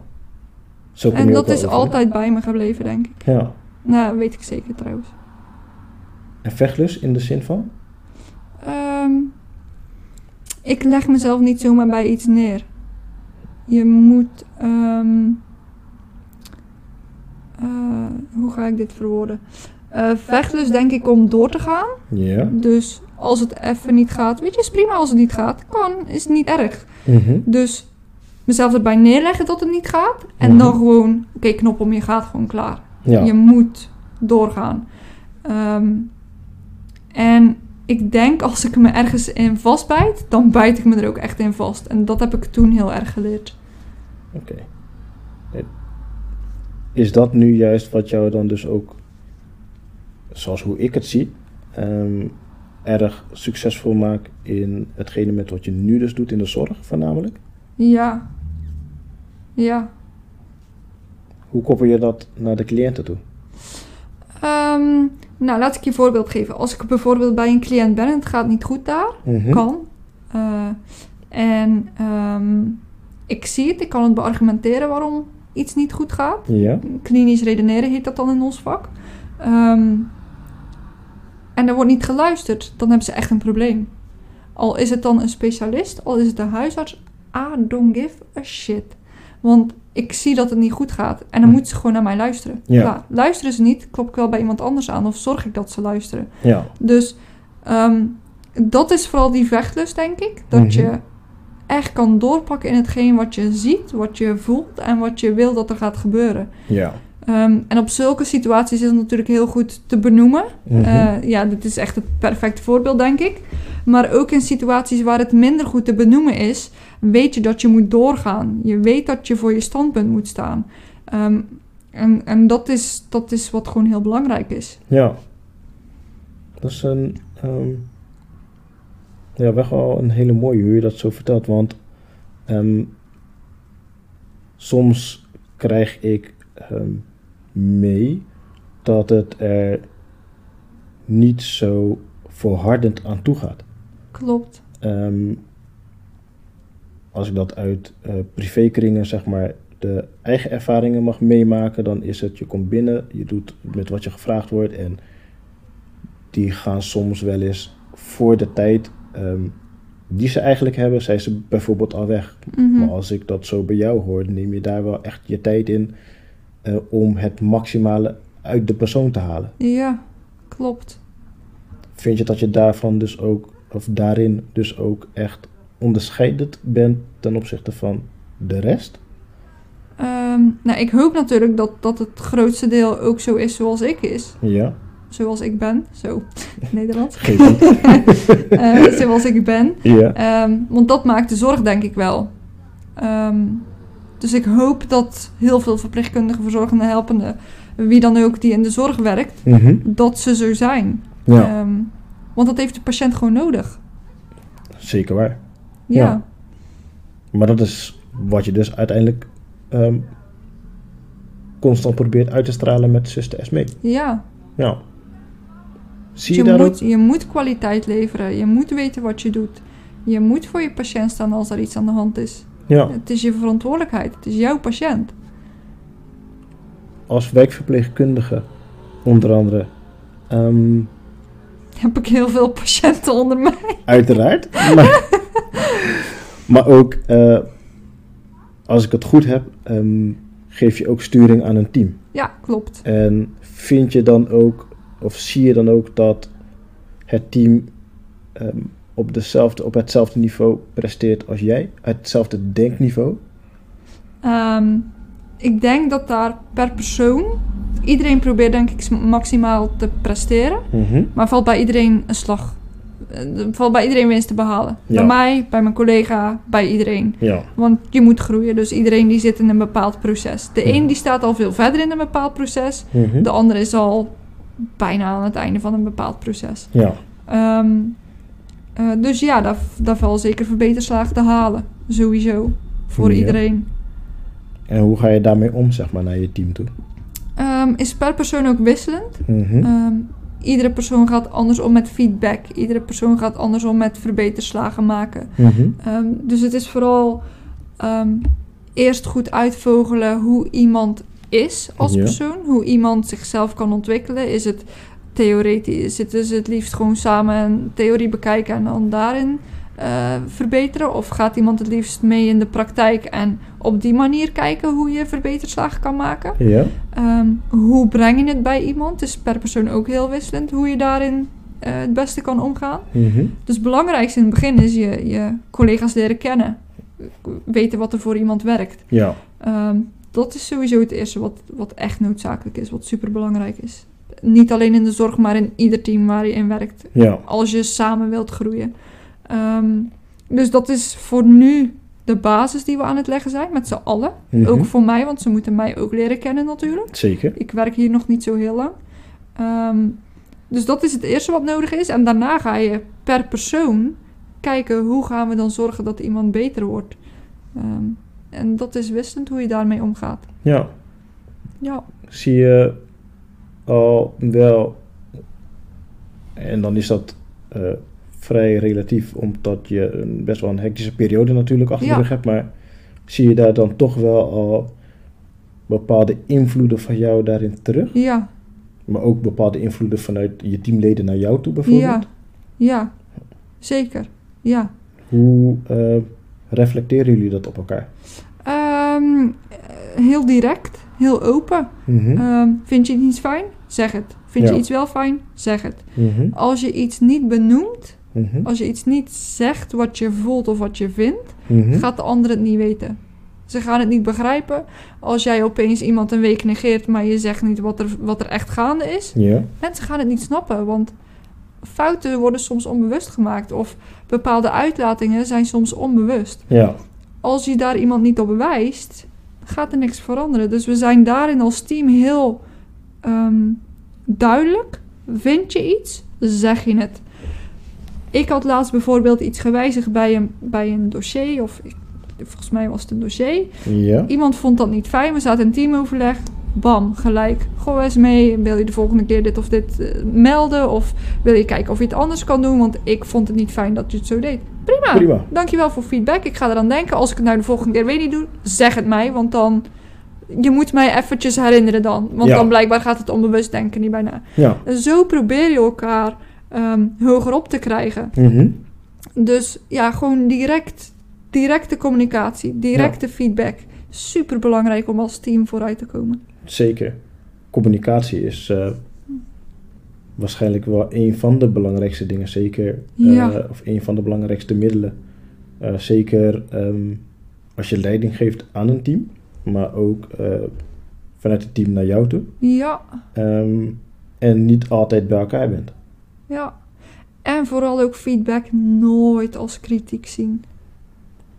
Feedback en kritiek zijn twee hele andere punten. Ja. Je hebt negatieve feedback, maar Mhm. negatieve feedback wil zeggen: ik vertel het jou Mhm. om jou te verbeteren. Ja. Kritiek is bam, af, afmaken. Ja. En dat zijn twee superveel dingen. Als jij negatieve feedback als kritiek ziet, ga je niet kunnen verbeteren. Want je ziet het als iets, iets wat, wat jou afmaakt. Terwijl negatieve feedback daar is om jou te helpen. ja. En dat is denk ik bij heel veel mensen nog wat er veranderd moet worden in mindset. Mhm. Dat negatieve feedback iets heel goeds is. Als iemand jou die feedback durft te geven en kan geven, Ja. is die persoon heel goed. Want ze willen dat jij verbetert. Ze willen dat jij hoger opkomt. Ja. Is iets wat je echt moet waarderen als persoon. Maar als ik nu tegen jou zeg, jij bent echt een slechte zuster.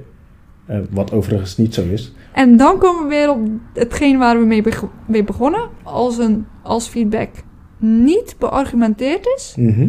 iemand kan het niet uitleggen, Mhm. is het loos. Dan heb je er niks aan. Dan is het kritiek in mijn ogen. Ja. Als jij dit zou zeggen en je kan beargumenteren, want je hebt bepaalde medicatie niet afgetekend, Mhm. je hebt eh, eh, darmen, stoma niet goed geplakt, want dit, dit kon je beter op die manier doen. Of Ja. eh, denk er de volgende keer aan eh, dat je bij die persoon het op die manier eh, gedrag benadert. Ja. Dan is, het, dan is het negatieve feedback, want dan kan ik er iets mee. Ja. Dan is het goed. Dan mag je mij zeggen, je bent een zus- slechte zuster. Dat is dan even terzijde of dat heel fijn is dat je dat zegt. Maar je beargumenteert wat dan maakt dat jij dat vindt. Ja. En dan heb ik punten waarvan ik denk, hé, hey, maar eigenlijk ja, doe ik het ook wel zo. Of ja. Misschien heeft hij toch wel een punt dat ik, dat ik dat anders moet doen. En dan kan ik jou alsnog terug feedback geven. Maar ik vind het eigenlijk niet zo fijn dat je me nu een slechte zuster noemt. Want dit zijn drie van de punten van de 100. Ja, precies. Drie puntjes zijn slecht, 97 punten zijn goed. Dus wil je mij dat de volgende keer niet meer zeggen? Je puntjes die je geeft vind ik fijn. Maar benoem me alsjeblieft niet als slechte zuster. Ja. Dan heb je een gesprek erover. Dan heb ik jou iets meegegeven. Mhm. Want ik vind blijkbaar iets niet fijn wat jij zegt. Ja. Maar je hebt ook dingen aan mij gegeven waar ik van kan groeien. Dus heb je er beide iets aan. Ja. En dat is een heel mooi verschil wat je daarin geeft tussen negatieve feedback of eh, opbouwende kritiek. Ja. Ja. Ja, zeker. Heel mooi. Ehm, is dat... of Pas je die gedachte eigenlijk op alles toe? Ja. Ja? Ja. Ook in je privéleven? Ja. Hoe ehm, ervaren de mensen, de liefdevolle mensen om je heen dat? Ehm, ik probeer dingen... Dat is ook waarof ik heel veel in ben gegroeid. Mhm. eh laatste jaren. Ik probeer dingen nu heel objectief te zien. Ehm, dus ik ga er echt boven hangen en dan denk ik, oké, dit gebeurde. Ja, kan gebeuren. Dit en dit. Dit is van die kant, dit is van die kant. Ja. En wat gebeurt er nou? Wat kunnen we hier met z'n allen aan doen? Dus ik ben niet meer degene die oordeelt. Nee. Het heeft geen zin om te oordelen of om boos te zijn of om vervelende dingen te zeggen. Want wat heb jij eraan, wat heb ik eraan? Niemand heeft er iets aan. Voor jou frustreert het, voor mij frustreert het. Het is drama. Ja. ik heb geen zin in drama. Nee, zitten we niet op te wachten. Nee, dus ja, ik probeer gewoon dingen objectief te zien. Als ik iets vervelend vind, dan zeg ik het. Maar ik vind heel vaak dingen niet vervelend. Dus zal ik het ook niet, niet zo snel zeggen dat ik het vervelend vind. dus ik probeer gewoon de laid-back, chill persoon te zijn die... eh, ja, weet je, heb je iets wat je wilt zeggen? Kom maar, bel me. Precies. Gooi, gooi je frustratie eruit, gooi je drama. Ik luister, maar ik oordeel niet. En dat is denk ik, dat is denk ik het belangrijkste. Dat is heel... Denk ik wel, ja. Ja. Ja. Ehm, merk je daarin ook dat het gewoon echt gewaardeerd wordt? Ja. Ja. Ja. Want ehm, ik merk dat bij mezelf bijvoorbeeld ook. Op het moment dat ik zie van hé, hey, ehm, die waardering die ehm, brengt me dichter tot de persoon met wie ik dan bijvoorbeeld zo'n gespreksstof heb. Hm. Ehm, ik weet niet hoe jij dat voor jezelf ervaart. Ervaar Ja. je dat ook? Ja, zeker. Maar hoe doe je dat? Omdat er geen waardeoordeel aan hangt. Dat is mooi. Maar wordt dat ook begrepen door, in dit geval om de koppeling weer te maken naar je team, ehm, door bijvoorbeeld je teamleden? Ja. Omdat ze weten, ik...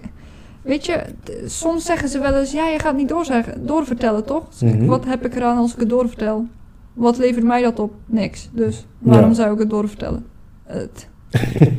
ja, heeft geen zin. Dus je buit een bepaald vertrouwen op, omdat je... ehm, ze vertellen iets aan je, maar ze weten... Je, je gaat er verder niks geks mee doen of niet rondbazijnen, want ik heb er niks aan om het wel te doen. Ja, Dus waarom zou ik er dan en een waardeoordeel aan hangen en het verder vertellen? Niemand schiet er iets mee op. nee, dat is zeker waar. Dat is zeker waar. Ehm, ja, dat is zeker waar. Ik zit gelijk even na te denken, omdat als je dat zeg maar zo hebt, ehm, die, die chemistry met elkaar, Mhm. wil dat dus eigenlijk zeggen dat je met z'n allen dezelfde kant op kijkt. Jullie hebben met z'n allen als team zijnde één doel. Sowieso. Ja, Ja. maar staan met, met z'n allen dus ook de neuzen dezelfde kant op? Nee, dat hoeft niet per se. Toch niet? Nee, Oké. nee. Waarom is dat zo? Dat dat niet hoeft? Omdat de een gerust op een andere manier mag denken of kan denken. Mhm. Ehm, dus die kan naar rechts kijken en de rest kan rechtdoor kijken. Ja. Ehm, en dat is niet erg als je maar wel dezelfde stroom met elkaar opgaat. Dus iedereen mag iets vinden. Mhm. Iedereen mag, mag een bepaalde kant op kijken. Ja. Dat maakt niet uit. Ja. Maar je gaat alsnog wel allemaal dezelfde kant op. Dus je mag naar rechts kijken, maar we Ja. gaan alsnog wel rechtdoor met z'n allen. Snap En- je een beetje wat ik bedoel? Zeker.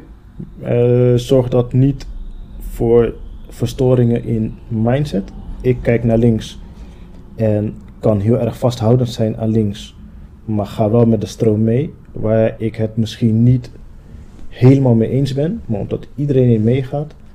Maar de Ja. volgende keer kijkt misschien iedereen naar rechts en iemand anders de andere kant op. mm, Dus het vergt ook van jou als persoon iets waar jij. Ehm, je kan niet altijd gelijk hebben. Kan niet. Het kan niet altijd zo zijn zoals je wil. ja. Dus het vergt iets van jouw persoon om de ene keer in te kunnen geven, Mhm. om de andere keer mee te gaan. Ehm, dus, dus. En dat is denk ik ook wel de volwassenheid die je, die je kan ontwikkelen op dat gebied. Ja. Dat je weet, het kan niet altijd zijn zoals ik het wil. Ehm, en dat je ook wel eens moet ingeven als je inderdaad naar rechts wil kijken terwijl de rest rechtdoor gaat. dat Ja. is nou eenmaal hoe het gaat. ja. Ehm, dus dat vergt als team iets, dat vergt van jou als persoon iets. ja. Ehm, en dat zal voor de een makkelijker zijn dan voor de ander, maar het wordt wel van je verwacht dat je uiteindelijk met de volle groep toch rechtdoor gaat. Ja. Dat is een hele mooie inderdaad. Ja, hoe je dat zo onderbouwt. Omdat je eigenlijk niet verwacht ehm, dat daar dus ehm, verschillen in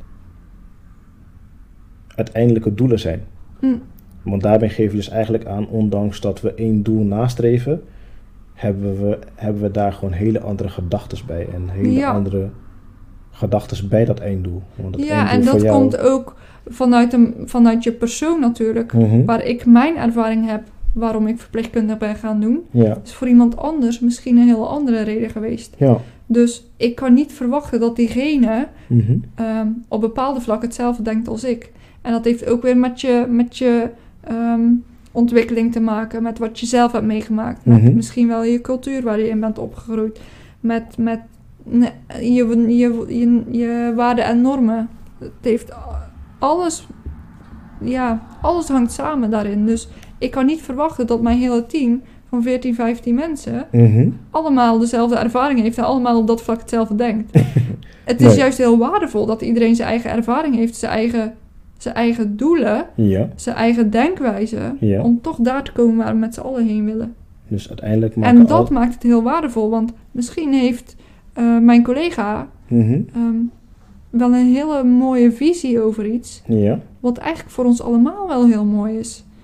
Doordat zij iets heeft meegemaakt of doordat zij over een bepaald onderwerp zo denkt. ja, Dus dat, dat kan ook bij anderen weer iets triggeren, waardoor ze gaan nadenken over bepaalde dingen. ja, precies. Dus dat, moet je, dat, dat vind ik ook wel dat je echt moet houden in je team. Iedereen heeft zijn authenticiteit, zijn identiteit.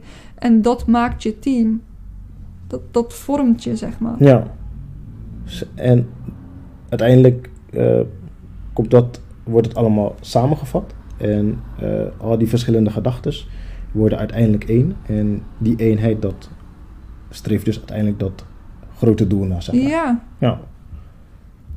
Als je dat zeg maar zo ziet vanuit je team, ehm, waarin je dus al die verschillende gedachten hebt, heb je dus in je privéleven ook zo die mensen om je heen die ja, samen met jou ehm, een groter doel nastreven dan ehm, wat een groter bereik heeft, zeg maar, dan alleen maar je leven leven hier op deze wereld. Eh, ja, ik denk dat iedereen daar zijn eigen doel, in, zijn eigen doel wel in heeft. Ja, Ehm, maar dat we het ook gewoon van elkaar allemaal waarderen. Dat je daar op een bepaalde manier over denkt. ja, Ehm, en dat is ook weer wat ik, wat ik daarnet zei, wat ik in stress mee ook probeer te benadrukken. Iedereen is Mhm. gelijk. ja, Dus ook al denkt iemand anders, je bent gelijk aan elkaar. uiteindelijk wel. En dat is denk ik wat je gewoon in de maatschappij moet, moet waarderen. En ook in vriendschappen. Iedereen heeft een bepaalde denkwijze, heeft bepaalde normen, waarden, heeft bepaalde ehm, eh, gedachten over iets, Mhm, bepaalde doelen. Zeker. Ehm, en als je die van elkaar weet, je weet hoe iemand is, Ja. kan je daar samen iets aan doen. Kan je elkaar ondersteunen, Mhm. ehm, kan je elkaar helpen. Eh, en dat is denk ik heel waardevol aan vriendschap. Ja, dat is mooi. En zij kunnen mij, als ik dan even naar mezelf kijk, zij kunnen mij ook remmen in dingen. Als ze zien dat ik te snel ga of Ja. te veel wil, Ja, kunnen ze mij ook remmen. Ze kennen mij, dus ze weten wanneer ik over mijn eigen grenzen ga. ja, En dat heb ik heel erg nodig. Dus je komt op het duur zo dicht bij elkaar, omdat je elkaar al zo lang kent, Mhm. dat je elkaar gewoon heel fijn aanvoelt. Eh, je ziet het aan de kleinste dingen als het even niet goed gaat of als er iets aan de hand is. Ja, Dat heb je heel erg nodig. ja. Heb ik heel erg nodig. Dat snap ik zeker. Ja, Ja, ook ik. ja, ja. Misschien niet iedereen, maar Ja, ja, als je het nodig hebt, is het heel fijn. zeker. Als je... We hebben nu heel veel dingen hebben we benoemd in eh, mentale eigenschappen die je Ja. eh, eh, naar boven haalt aanhaalt en de koppeling maakt naar je werksituatie en je privésituaties. Mhm. Ehm, welke eigenschappen, zeg maar, vanuit je mentale krachten die je nog niet hebt benoemd, zou je gewoon echt willen meegeven aan degene die dit nu beluisteren? Mm, Vastberadenheid is denk ik heel belangrijk. Mhm. Doorzettingsvermogen sowieso. Mhm. Ehm, en ik denk, mm, maar dat is denk ik wat ik hiervoor ook al heb benoemd, Ja. echt naar jezelf moet luisteren. Je moet in balans zijn met jezelf. Ja. Als je niet in balans bent, je gaat niet, het gaat niet. Nee. Je moet in balans zijn met jezelf om een bepaald iets uit te, ku- uit te kunnen stralen Mhm. en om gewoon door te kunnen.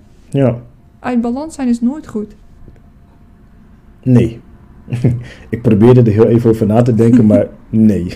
Resoluut, nee. Nee. Klopt. Ehm, uit balans zijn ehm, als er bepaalde pijlers in je leven ehm, ontbreken of die eh, staan niet gelijk, dan moet er eh, in een van de andere pijlers moet er eh, in overvloed uit kunnen komen om dat weer te kunnen balanceren. En als dat niet het geval is, dan ben je constant aan het overleven in plaats Ja. van echt te leven. Ja. Ehm, nou, je hebt daarin hele mooie situaties benoemd waarin je echt moest overleven. Klopt. Maar uiteindelijk heeft gebracht tot waar je nu staat, waarin je gewoon echt volledig leeft. Ja, En alsnog situaties zal meemaken, of heb meegemaakt, pas geleden uiteraard dus ook, ehm, waarin je moest overleven. Een verliesmomentje. En nu kan je dus weer voor voor de winst gaan door te leven. Ja. Mooi. Echt heel mooi. Ehm dankjewel alsjeblieft. voor, eh, voor deze overdosis aan inspiratie. Ik, eh, ik ben ehm, heel erg benieuwd eh, naar de reacties van, van de luisteraars. Ik ook. ja, inderdaad, echt verschrikkelijk benieuwd. Ehm, omdat ik vanuit verschillende segmenten, zeg maar, hoor ik eh, en krijg ik en voel ik gewoon hier een overdosis aan inspiratie waarin ik denk van, oh, ehm, ik kan me niet voorstellen dat iemand hier, zeg maar, geen leer uittrekt, omdat jij ehm, zo'n divers, krachtig persoon bent, die ehm, heel open is, zoals ik het tot nu toe nog steeds ervaar. Heel open.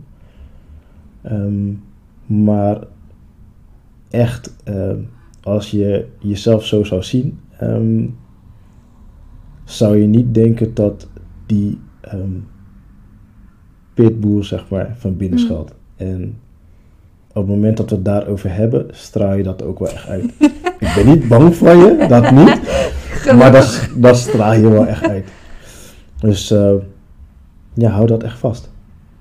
Ga ik doen. en ik eh, weet zeker met uh, zuster Esmee dat je iedereen zal blijven aanmoedigen om op datzelfde niveau, of misschien wel beter, ehm, zouden kunnen blijven denken en opereren.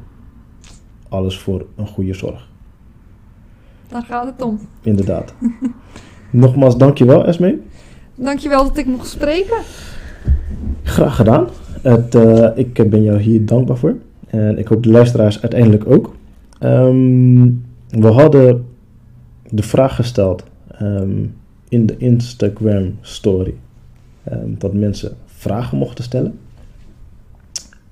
Je hebt er één gehad, zei je. Ja, eentje. Ehm, je mag hem, als je zelf wil, mag je hem zelf benoemen. Ook van wie die was. Ehm ben ik wel benieuwd naar. Het is van iemand die mij al heel lang volgt. Ja? Ehm, en ik denk dat dit gewoon echt een vraag is die zij, eh, eh, die zij eigenlijk al weet.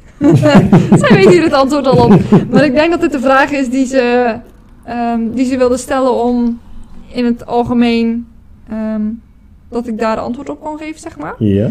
En haar vraag was: hoe ben je erachter gekomen dat je hart in de verpleging ligt? En dan is mijn enige antwoord: luister de podcast nog eens opnieuw, want ik heb het net allemaal, allemaal eruit gegooid. Het is echt verschrikkelijk mooi onderbouwd en beter dan dat denk ik dat je het niet gaat krijgen en hoe je het hebt onderbouwd. Dus dat is een hele goeie. Ehm, dus ja, ik ga er ook wel vanuit dat ze dat ook wel zou eh, ehm, waarderen zoals hoe jij dat zo hebt, eh, hebt voor, verwoord. Ehm, wat ik al zei, eh, maximaal drie vragen. Als die vra- drie vragen er niet komen, ook prima. Ehm, ik heb hier openhartig, ehm, dat zijn openhartige kaarten in verschillende segmenten. Ehm, zowel jij als ik hebben daarin een kaart getrokken. ja, En een openhartige vraag over zingeving, met betrekking tot zingeving. En een openhartige vraag, go for it. Die het maximale eh, direct uit iemand zou moeten halen. Ehm, jij mag kiezen waar je eer... Ik wil geel. Je wil geel. We gaan voor de go forward kaart.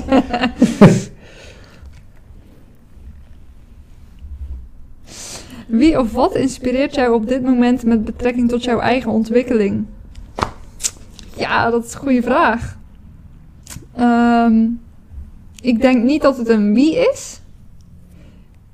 Maar ik ben er heel zeker van dat ehm, op het moment de wijk waar ik werk mij ontzettend inspireert. Ik zit nu in Sjaloos. Wauw.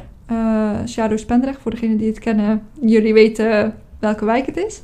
Voor degenen die het niet kennen, is, ehm, is een wijk die, eh, eh, waar heel veel problemen eh, gaande zijn. Ja. Problematiek op het geval sociaal-economisch, maatschappelijk, ehm ontwikkel ja, het gebied van ontwikkeling. Mhm. Ehm, en ik werk hier met mensen die ontzettend dankbaar zijn voor de zorg. Die Ja.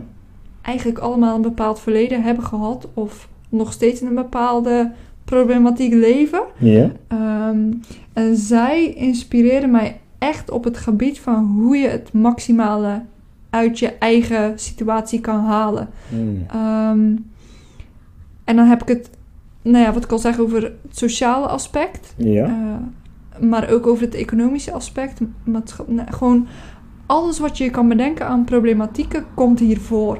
En mensen hebben op allerlei manieren oplossingen gevonden om daarmee om te gaan. Mensen zijn ontzettend creatief, zijn niet bang om, om problemen uit de weg te gaan. Ja. En dat is echt iets wat mij nu heel erg triggert en, en inspireert om, ehm, om bij mezelf na te gaan hoe ik daar als persoon mee om zou gaan. Hoe ik daarin zou staan, wat ik daarin kan betekenen. Mhm. Ehm, en om dan één voorbeeld te noemen in eigen ontwikkeling is ehm, eh, eh, mezelf opgeven bij moskeeën, bij kerken. Oh, Eh, kijken hoe ik op, op die manier kan, mijn steentje kan bijdragen aan, aan zorgontwikkeling. Dus Mhm. je ziet heel veel mensen die, die voor familie zorgen. Ja. Ehm, hoe ik daar mijn steentje aan kan bijdragen om goede kennis over te dragen. Ja. Ehm, dus ik probeer mezelf op dat vlak te ontwikkelen om, om alsnog het maximale uit mijn kennis en, en kunde te geven aan andere mensen. Ja. Dat is, dat is echt nummer één nu. Dat is een, vind ik een hele mooie. Echt een hele mooie, openhartige vraag met een nog mooier en openhartiger antwoord. Ja, echt mega, mega ehm, openhartig. Ehm, de laatste, Ja, de openhartig zingeving. Wil je dat, ehm, wil je hem zelf voorlezen of dat ja ik want hem ik wil hem voorlees? eerst even lezen. ik ben te benieuwd. Waar ben je trots op? Ja, Heb jij die uitgekozen van mij? Die heb ik, ik heb hem getrokken inderdaad. En ik, ik dacht, ik wilde hem eerst nog, want het was echt een, ik pakte hem per ongeluk. En ik dacht, nee, ik eh, laat hem lekker staan. Waar ben ik trots op? Ja, waar ben je trots op? Dat is eigenlijk een vraag waar ik nooit over nadenk. Erg hè? Ah, Het is wel een belangrijke vraag. Zeker. Maar dat is iets waar ik eigenlijk over moet nadenken. Ik ben op heel veel dingen trots. Het maar dan geen- vooral... Ja, noem hetgeen waar, waar ik echt, echt trots op ben. Ja, Ehm, hmm. Ik ben denk ik vooral heel trots. En dan ga ik niet op mezelf trekken, maar op mijn ouders. ja. Dat ze mij hebben bijgebracht wat, ik, wat ze mij hebben bijgebracht. Mhm. Ja, de koppeling. Ja, Ehm, en dat ze ervoor hebben gezorgd wie ik ben. Ehm, dat ik degene ben die ik vandaag ben. ja. Eh, zij hebben daar natuurlijk een super grote rol in gespeeld, laten we wel wezen. En ik ben echt trots hoe ze dat hebben gedaan. Hoe ze die taak als, als ouders op zich hebben genomen. Ehm, ja, echt alleen maar lof. Daar ben ik echt trots op. Ja, wauw. Ja, Heel mooi. Heel mooi. Dat ehm, wordt soms wel eens vergeten inderdaad. ja. Met hoe eh, belangrijk het fundament ook is met wat je hebt meegekregen. En ehm, dus ja, daar mag je zeker wel dankbaar voor zijn. Ja, ja, en als ik het over mijn ouders heb, heb ik natuurlijk ook over, over mijn opa en oma. Laten we wel wezen. Ook hartstikke belangrijke mensen. uiteraard. uiteraard. Ja, dus ja, ben ik echt trots op. Ja, Ja, het echt goed gedaan. Applausje voor je ouders. En eh, uiteraard dus ook daarbij je opa en oma. Ja, Want ehm, zonder hun ehm, ja, was het misschien wel wat zwaarder geweest inderdaad. ja, Dus, eh, ja. inderdaad, oma, opa, mama, papa. Van Thanks. zuster Esme. Geweldig werk hebben jullie afgeleverd. Geweldig. Dus daar mag je echt, eh, echt dankbaar voor zijn. En dat is, ik vind het heel mooi dat je dat zo benoemt. Ehm, nou ja, dat waren de vragen. Ik, ehm, nogmaals, echt super dankbaar voor dit. In jouw, eh, eh, voor degenen die het niet weten, ben ik speciaal daarvoor op bezoek, slash uitgenodigd in eh, je mooi warm huisje. Waarin eh, eigenlijk hetgene, het mooie wat je daarin benoemde al eerder in de podcast van hey, ehm, de rust die hier eh, die heerst bij jou in huis. Echt heel mooi. Dankjewel. Dus uh, mag je echt dankbaar voor zijn. Nogmaals, dankjewel. Graag gedaan. uh, wil ik eigenlijk toch nog afsluiten met een laatste. En dat is. Um, en dan hoop ik dat de persoon die je daarin benoemt dit ook beluistert. Wie zou jij. Of wie zou je willen dat ik de eerstvolgende keer interview? Als ik heel eerlijk ben, Ja. is het degene die mij vorige week uh, op mijn uh, vingers tikte. om mij meer rust te, te laten hebben. En dat is Max Brand. En hij is? Hij is uit klasgenoot van de middelbare school. Ja. Uh, heeft zijn eigen bedrijf opgericht. Ja. Is bezig met een, uh, een soort um, ja, beveiligingsapp voor, uh, voor mensen die ja, gewoon in de avond bijvoorbeeld op straat naar huis toe lopen. ja. Dat iedereen eigenlijk veilig um, van punt A naar punt B kan komen. Ja. Dus hij is echt bezig met het maatschappelijke. Zorgen dat, dat iedereen um, zich veilig kan voelen en ook veilig is. Ja. Iets super belangrijks. Ja. En hij timmert zo hard aan de weg. Echt waar? Echt. Wauw. Wow. Dus uh, ja, dan, dan zou hij het zijn. Ik, uh, ik ben benieuwd. Um, ja, in elke vorm van verhaal of elk verhaaltje zit een uh, vorm van inspiratie. Dus um, Max, als je dit hoort, mag je oftewel via Esme of direct via mij contact opnemen. Brian Strang ben ik overal op te vinden via de socials. En anders weet je dat wel via Esme te vinden. en uh, dan zou het inderdaad heel leuk zijn om, uh, om in eerste instantie uh, door middel van een kopje koffie gezellig nader te komen om een afspraak te maken voor een geweldige interview. Dankjewel. Als u.